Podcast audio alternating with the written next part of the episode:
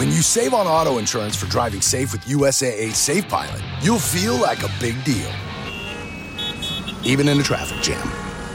Save up to 30% with USAA Safe Pilot. Restrictions apply. 2,500 feet! Time to pull our chutes! 25? Did you hear you could save up to 25% off grocery store prices at BJ's Wholesale Club? Did you say save up to 25% at BJ's? Yeah, save up to 25% at BJ's. Whoa! That's like saving up to one fourth of. Ugh, that's gonna leave a mark. BJ's. Absurdly simple savings. Shop today. Not a member? Go to bjs.com slash simple savings.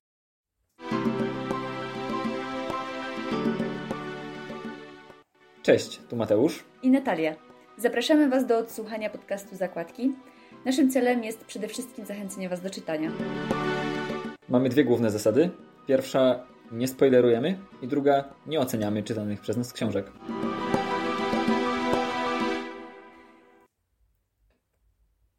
Cześć wszystkim. Witajcie w nowym odcinku naszego podcastu Zakładki, podcast o książkach. Dzisiejszy odcinek będzie naprawdę wyjątkowy. Z kilku powodów. Po pierwsze, rozmówców dzieli 10 tysięcy kilometrów. Po drugie, dzisiaj nie ma ze mną Natalii, ale gościem dzisiejszego odcinka jest Rafał. Cześć Rafał. Cześć Mateusz, tutaj właśnie z tej strony Rafał, z pięknej Polski, jakże zacnej. Cześć. Bardzo miło Cię gościć w naszym programie. Mam nadzieję, że spędzisz tu czas jak najlepiej. W dzisiejszym odcinku porozmawiamy o książce Jaume Cabré pod tytułem Podróż zimowa.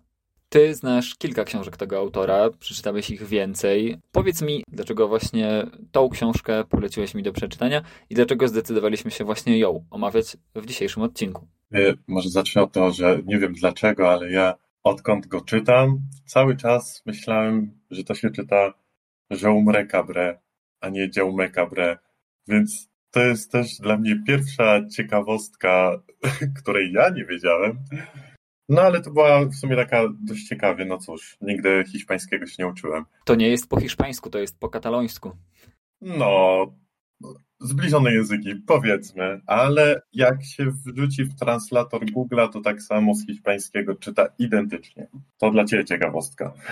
Tak, powiem, y, że w sumie przeczytałem wszystkie jego książki, bo jakoś jak od pierwszej książki wydanej w Polsce, którą była Wyznaję, a to była jego ostatnia napisana książka, zachęciłem od tej, tego względu, że to jest ten zbiór opowiadań, który łączy i zachęca później do sięgnięcia do dalszej literatury tego autora. Nie będę spoilerował, bo nie mogę.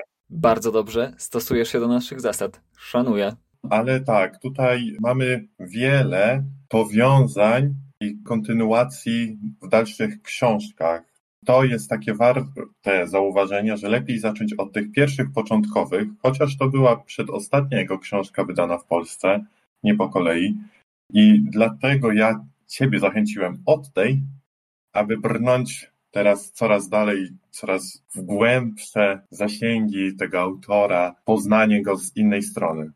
Ja bardzo serdecznie dziękuję Ci za to polecenie i myślę, że teraz przyszła pora na to, żeby przybliżyć trochę faktów dotyczących książki. Wydano w Polsce przez wydawnictwo Marginesy i ma około 200 stron. Tak jak wspominałeś, została napisana dużo wcześniej, bo w latach 1982-2000. Według początkowych zamysłów autora, każde z tych opowiadań miało być odrębnym elementem. One miały się w ogóle nie łączyć.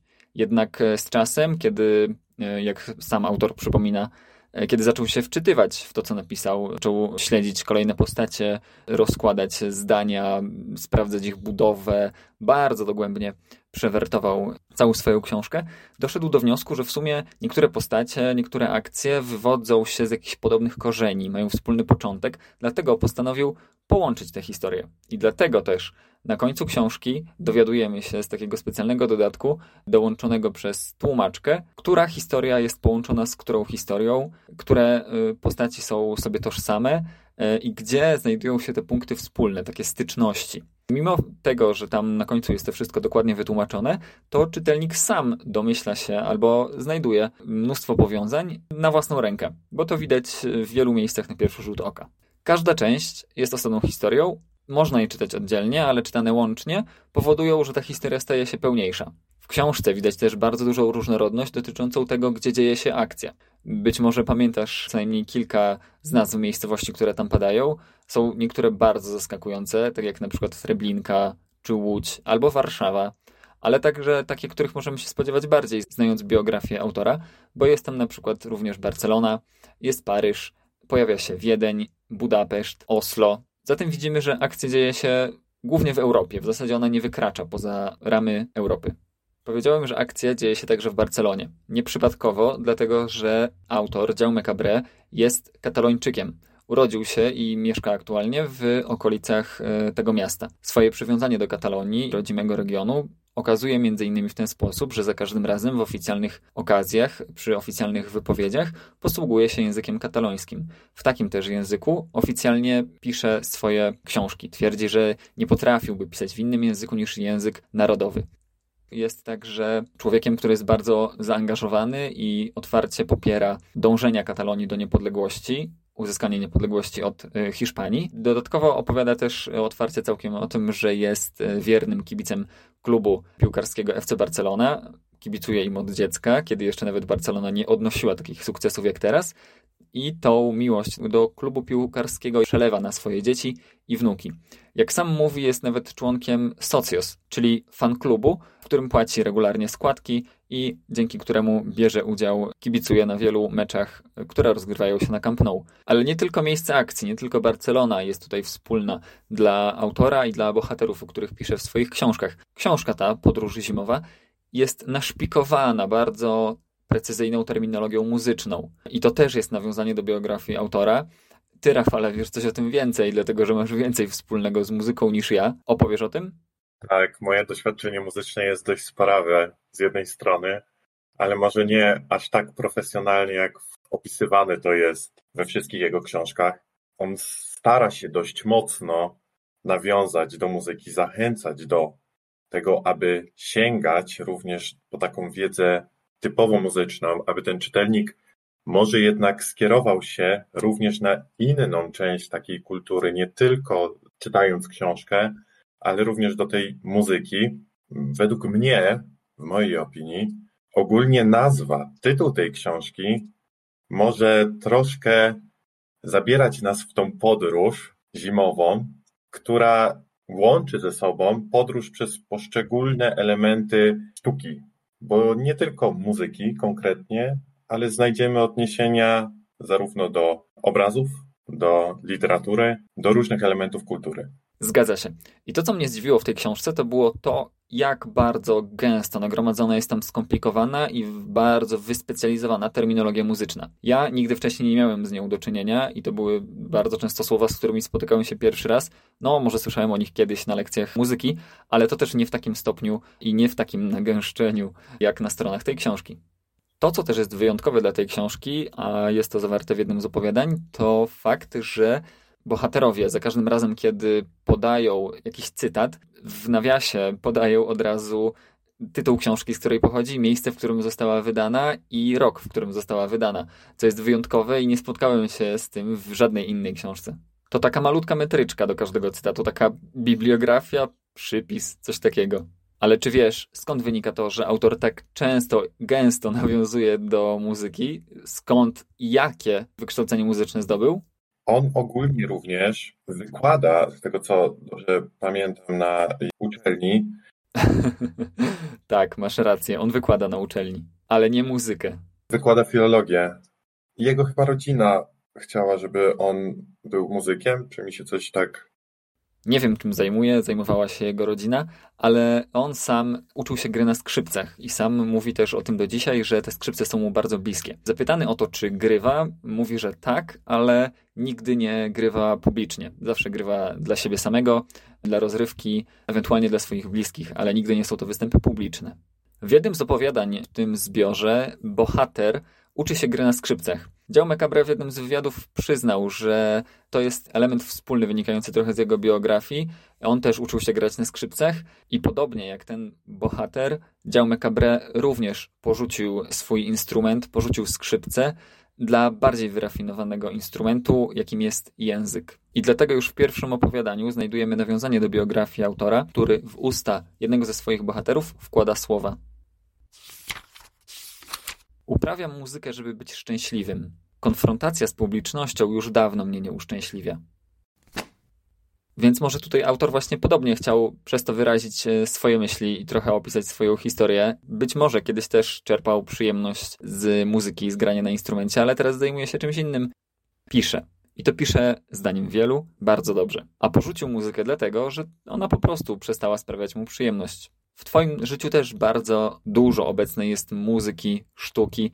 Czy myślisz, że kiedyś będzie jej za dużo, że przestanie dawać Ci szczęście?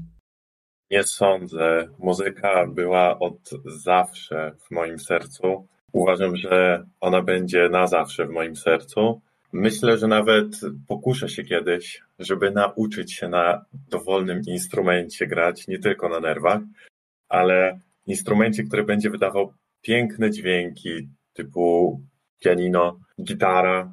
Chociaż w moim stwierdzeniu instrumenty y, strunowe nie mają zbyt wiele sensu, uważam, że jednak są dobrym dopełnieniem każdej orkiestrze. Bez tego nie mielibyśmy w sumie takiej pięknej muzyki. Teraz muzyka różnorodna. Europa żyje Eurowizją, świat żyje powrotem do kultury, do koncertów, więc też każdy myślę, że z nas oczekuje tego, aż powróci normalne życie i właśnie to, tą muzykę każdy będzie bardziej chciał odczuć niż tylko takie słuchanie Spotify. Wróćmy do naszych opowiadań. W książce jest ich aż 14 i naprawdę jest w czym wybierać. One obejmują bardzo różne okresy historyczne. Niektóre mają miejsce kilkaset lat temu, inne rozgrywają się w wieku XX. No i opowiadania, jak już wcześniej sobie o tym powiedzieliśmy, są też bardzo różnorodne pod względem miejsc, w których się rozgrywają. Powiedz mi, czy ty masz jakieś swoje ulubione opowiadanie? Może takie, które najbardziej cię dotknęło, najbardziej cię poruszyło, najbardziej na ciebie wpłynęło? Chyba najbardziej. Uwielbiałem opowiadanie, to co w sumie już wspomniałeś trochę, w której najwięcej jest zawartych tych cytatów w klamrach i z notką bibliograficzną. Opowiadanie pod tytułem Kurz. Ponieważ jestem człowiekiem, który również chciałby mieć taką bibliotekę, która będzie zajmować mu trzy czwarte jego mieszkania, a nawet może trochę więcej. I myślę, że to opowiadanie będzie takim moim trochę kursem na życie, żeby dążyć do tego, aby posiadać jak największą bibliotekę w swoim życiu. Ponieważ jednak no, książka to wiedza. Tak, zwykle tak. Ta historia, o której mówisz, to opowiadanie numer 5 i ona nosi tytuł Kurz. I myślę, że tutaj możemy uchylić rąbka tajemnicy dotyczącej tej historii. Tam przeciwstawieni są sobie dwaj bohaterowie, dwie osoby. I one różnią się diametralnie, w zasadzie na podstawie opisanych ich y, domów. Bo jedna osoba ma w swoim domu, w swoim mieszkaniu tylko dwie książki, i obie te książki są to książki telefoniczne, a druga osoba ma tych książek 17 553 i mieszka w ogromnym domu, w którym większą część y, zapewne zajmują właśnie te książki. I cały ten księgozbiór, cała ta biblioteka to książki z najróżniejszych dziedzin, często takich, o których byśmy nie pomyśleli. Mm, co ciekawe, nie było tam w ogóle takich oczywistych, klasycznych tytułów. Znajdowały się tam raczej takie rzadko w ogóle niespotykane. I ten księgozbiór mieści się w domu pewnego starszego pana. I ten starszy pan poznaje młodą dziewczynę. Ale co będzie działo się dalej, o tym doczytajcie sobie sami. Ja mam do ciebie natomiast kolejne pytanie. Czy uważasz, że jest taka liczba książek, kiedy tych książek jest już za dużo? Czy można mieć w ogóle za dużo książek, Twoim zdaniem? I ile to musiałoby być? Myślę, że dlatego zbieranie tych notek bibliograficznych, które są zawarte, to jest troszkę uporządkowanie tego, co bohater tego opowiadania chciał tu ukazać, że on jest dość mocno takim człowiekiem uporządkowanym i on wie, co ma. W moim odczuciu to nie jest dużo książek, wręcz przeciwnie. Nadal uważam, że można mieć znacznie więcej. Można troszkę otworzyć swoją taką własną bibliotekę, w której udziela się, wypożycza innym te książki, ale dzięki temu też pokazanie, jak literatura ważna właśnie jest w życiu tego bohatera. No, ja na przykład stwierdzam, że im więcej książek, tym znacznie lepiej. Czy ty mógłbyś żyć mając tylko powiedzmy 10 książek i tylko na tych 10 książkach w swoim życiu operować? Musiałbym mieć 10 książek i jeden czytnik, na którym pomieściłbym całą resztę. Ja nie jestem koneserem czytników. Ja potrzebuję zapachu książki, która unosi się w powietrzu. Nawet gdy wchodzisz do takiej biblioteki, od razu czujesz ten zapach. I myślę, że to może też kierować osobami, które mają dość bardzo znaczną bibliotekę w swoim domu. Ten zapach starej, zarówno jak i nowej książki, które pozwalają zaprosić nas do swojego wnętrza.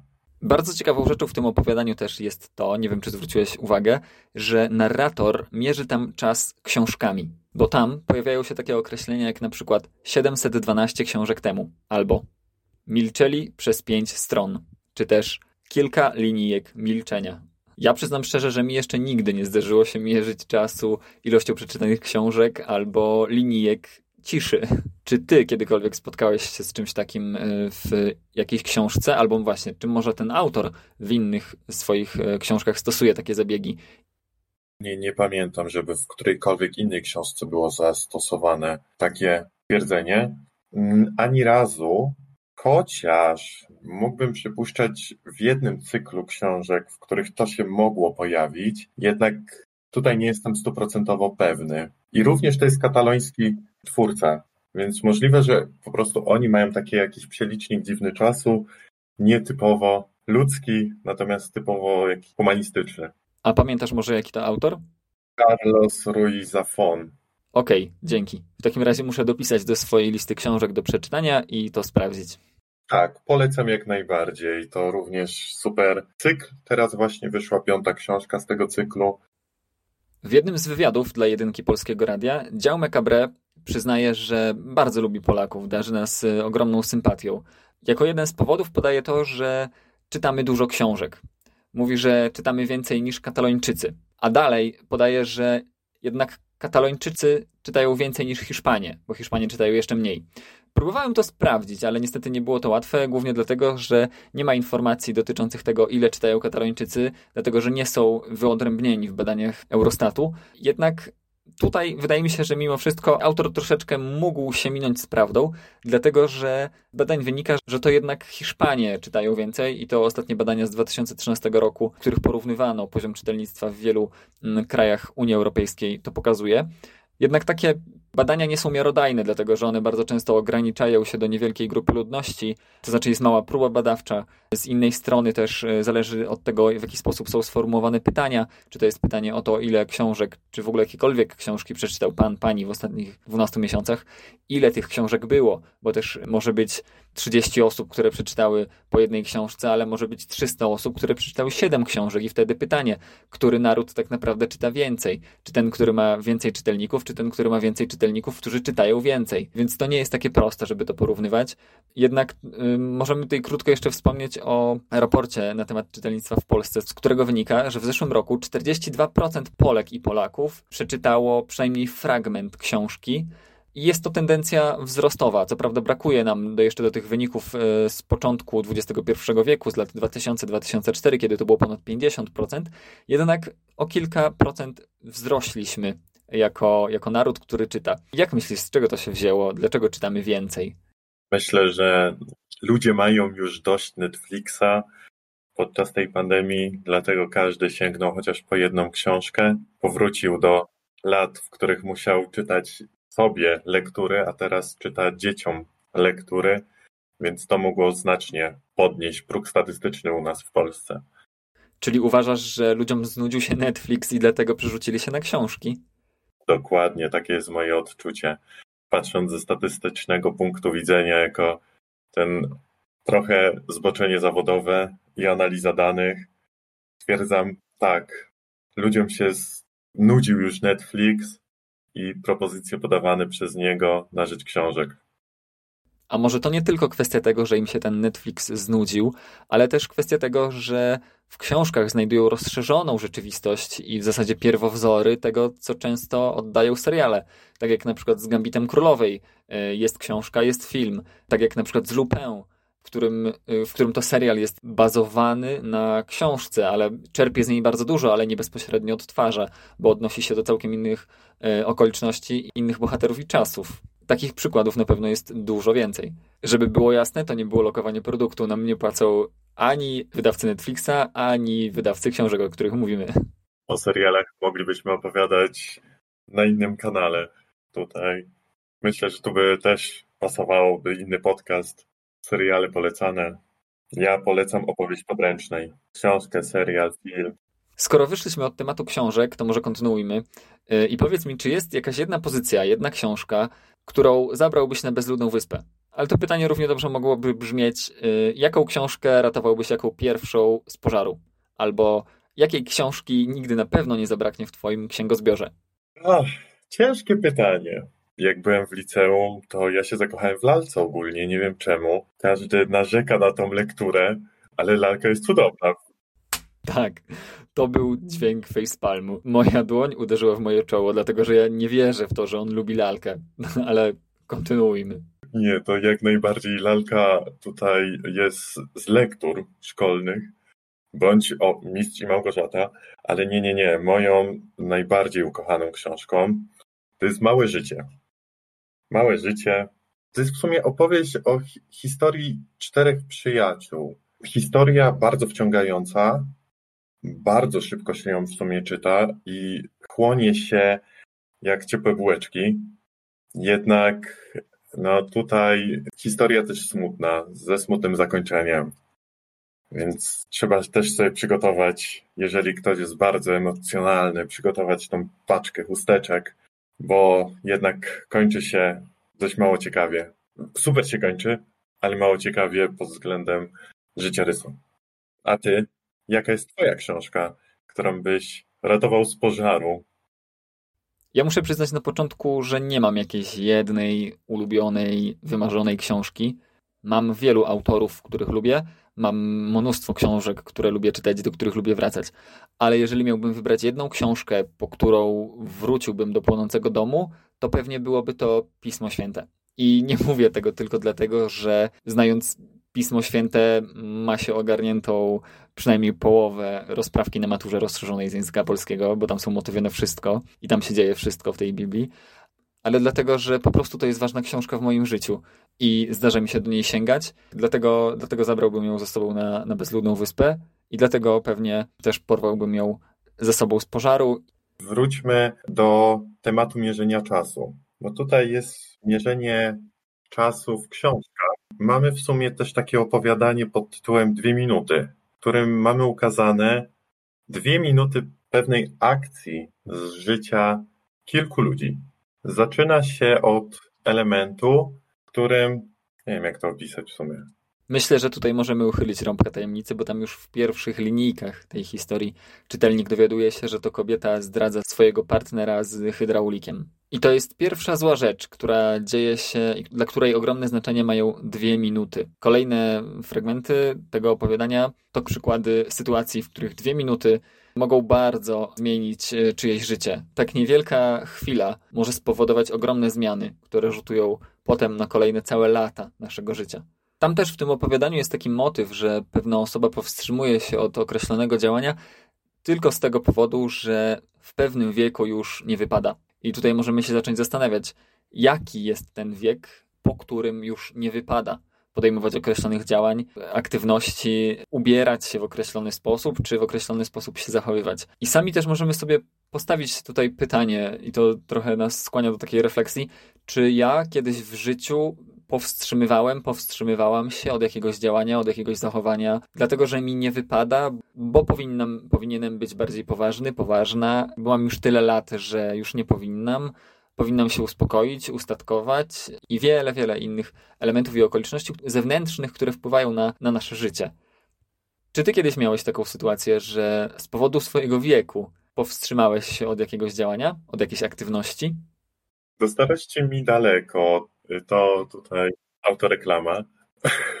Myślę, że też w pewnym momencie zawsze się powstrzymujesz, żeby coś zrobić, bo masz z tyłu głowy wszystkie alternatywne y, momenty, które mogą się wydarzyć, jeżeli to się zrobi, ale tak, pochodząc ze wsi, wiemy jak to jest, informacje przepływają szybciej niż sam to zrobisz, niż, niż dana rzecz się zdarzy, więc tak, zdarzyło mi się coś nie zrobić, bo nie wypada, ale aktualnie staram się żyć chwilą i staram się tworzyć wszystko, co nie wypada, żeby pokazać, że mam to gdzieś. Takie bardziej otwarcie na świat, otwarcie na ludzi. To chyba w sumie najlepsze podejście do życia, jakie możesz mieć. Żeby żyć po prostu dla siebie, żeby z tego życia czerpać, się nim cieszyć. Żeby żyć dla siebie, a nie dla innych. Dokładnie, takie też jest moje stwierdzenie. Myślę, że też masz takie podejście. Też mi się tak wydaje. Ale nie mnie to oceniać. Pewnie inni już oceniają to za mnie. I właśnie to opowiadanie mówi o dwóch minutach, które mają duży wpływ na czyjeś życie, ale tutaj możemy bardzo szybko przejść też do opowiadania numer 8, bo tam z kolei jeszcze krótszy moment, bo jedynie kaszlnięcie powoduje y, zmiany w życiu jednego człowieka, a także jego rodziny, sprowadza na nich ogromne problemy i to kaszlnięcie, ten motyw jest obecny w czasie całego życia tego człowieka. Mógłbyś opowiedzieć więcej o, o tym opowiadaniu, o historii numer 8, pamiętam? Opowiadanie ósme, pamiętam, opowiada o żydowskiej rodzinie wywiezionej z warszawskiego getta. Tak jak wspomniałeś, tutaj ważne jest to kaszlnięcie, przez które cała rodzina zostaje znaleziona w kryjówce. Przez to yy, zostają oni zabici jedynie ten syn, który kaszlnął, cały czas żyje i pamięta tamtą historię. Nie potrafi sobie trochę wybaczyć tego, że przez jeden krótki moment, którym mógł się powstrzymać, nie potrafił. I to wpłynęło na całe życie jego, jak i jego rodziny. Tak, i tu jest miejsce na to, żeby postawić kropkę. Historia opowiada dalsze losy tego człowieka i możemy tylko powiedzieć, że w innych ważnych momentach jego życia także towarzyszy kaszel i wpływa na jego losy. Tutaj na przykładzie tego opowiadania widać też bardzo dobrze pomysłowość autora. To, żeby uzależnił ważne momenty w czyimś życiu od takiego małego gestu, od takiej reakcji, jaką jest kaszlnięcie. Tą pomysłowość widać też w innych opowiadaniach i ona bardzo mi imponuje, szczerze mówiąc, dlatego że w innej historii na przykład poznajemy człowieka, który musi wjechać do miasta na koniu. Mury tego miasta są zamknięte, wszyscy przyjezdni są bardzo szczegółowo sprawdzani i rewidowani i on ma świadomość, że straże będą poszukiwać u niego skarbu, złotych monet. I ten człowiek bardzo przebiegle podejmuje decyzję o tym, że da te monety do zjedzenia swojemu koniowi. Konie zjada, on bezpiecznie trafia do miasta.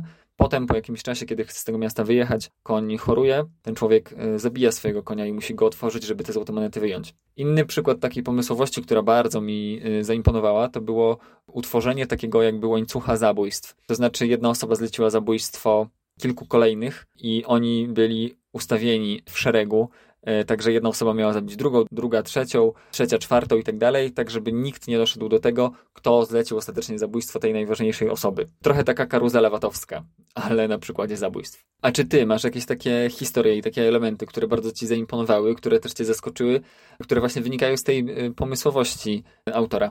Jeżeli chodzi o zaskakujący zwrot akcji, to jak człowiek może zmienić podjęcie decyzji. W jednej z historii możemy y, usłyszeć, jak dostanie listów zmienia znacznie podjęcie danej decyzji. Też możemy się zastanowić w sumie, czy jest to dobra decyzja, którą podejmuje nasz bohater, czy też zła, ponieważ jednak mógł uzyskać wolność albo pozostać w więzieniu. Za bardzo chyba z, powiedziałem zbyt dużo, czy nie? Nie, myślę, że to jest spoko, że to nie był spoiler. E, nie powiedzieliśmy, w którym to było opowiadaniu. Ale tak, jest takie opowiadanie, w którym sam fakt otrzymania listów przez e, bohatera, ten bohater nie wie, co w tych listach się znajduje, on jedynie ma świadomość tego, od kogo one przyszły, wpływają na to, że on pod ogromnym, pod wpływem impulsu bardzo szybkiego zmienia decyzję dotyczącą swojej przyszłości i to wpływa na, całe, na całą resztę jego życia, o czym y, mamy pewność. Ale chyba też dużym zaskoczeniem są informacje, które znajdujemy w epilogu. Na końcu jest taki dodatek napisany przez tłumaczkę, która przetłumaczyła książkę z języka katalońskiego na polski. Którym wyjaśnione są powiązania pomiędzy kolejnymi historiami tej książki. Dlatego, że jak już wcześniej wspomniałem, y, faktycznie te historie niektóre wynikają z siebie nawzajem i tam na końcu znajdziemy właśnie opis bohaterów, to w którym opowiadaniu oni się pojawiają, jak nawzajem na siebie czasami wpływają i w jaki sposób te historie, niekiedy jedna z drugiej, bezpośrednio wynikają. Ale bardzo łatwo czytelnik sam może się domyśleć, że ta historia i ten bohater występował już w tamtym czy tamtym opowiadaniu i tutaj jest jego kontynuacja albo historia i fragmenty poprzedzające inne opowiadanie. I właśnie tam widać tą sieć tych opowiadań, bo na przykład pierwsze opowiadanie łączy się z ostatnim. Ja przyznaję, że sam wszystkich tych powiązań i takich łączników nie wyłapałem. Wiele z nich poznałem dopiero wtedy, kiedy przeczytałem właśnie ten epilog i to podsumowanie. A jak było z tobą? Czy ty większość z tych opowiadań potrafiłeś między sobą powiązać i połączyć tych bohaterów właściwie? A może znalazłeś w ogóle jeszcze jakieś powiązania, których nie znalazła tłumaczka? Powiem ci w ten sposób, że czytając inne książki, warto pamiętać te poprzednie. Wtedy znajdziesz też powiązania. To jest dość ciekawa sprawa, w której nasz autor łączy ze sobą poszczególne książki. One w niektórych momentach naprawdę zawierają małe elementy, które wpływają na to, że to, co on pisze, nie pisze bezmyślnie, tylko raczej wszystko jest przemyślane do perfekcji. Okej, okay, czyli w tym szaleństwie jest metoda. Dokładnie. Tam bardzo szybko, bardzo często zmieniają się narratorzy. Style prowadzenia narracji są bardzo takie płynne i często zacierają się między nimi granice. To, co też jest charakterystyczne w niektórych momentach, to to, że są urywane niekiedy zdania, myśli, słowa.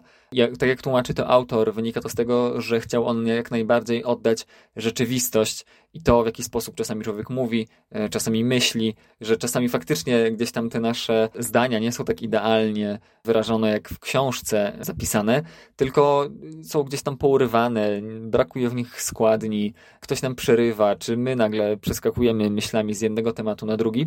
I wtedy to faktycznie też widać tutaj w tej książce, że te procesy myślowe są tak ludzko i tak realistycznie oddane, aż za bardzo, że czasami czytelnik może się w tym naprawdę zgubić ukazanie trochę innego podejścia, nie takiego typowego, czystego literackiego, jest ważnym punktem każdego czytelnika, aby się z tym też zmierzyć, że nie wszystkie książki są proste do, do przeczytania. Musimy pomyśleć, musimy się skupić, a nie tylko przebrnąć przez przekartkowanie i przeczytanie na szybkiego całej treści.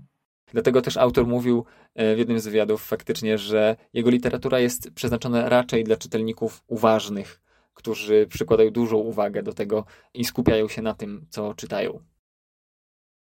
Ja mogę zacytować też jego wypowiedź z innej książki.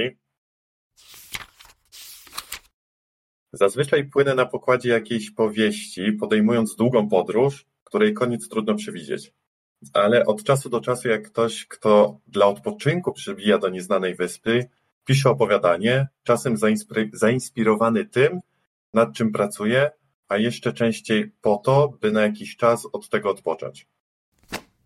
Więc te opowiadania, myślę, że to są takie trochę niedokończone jego powieści, które też są mocno skrócone i mocno dające takie możliwość rozszerzenia jej we własnej głowie.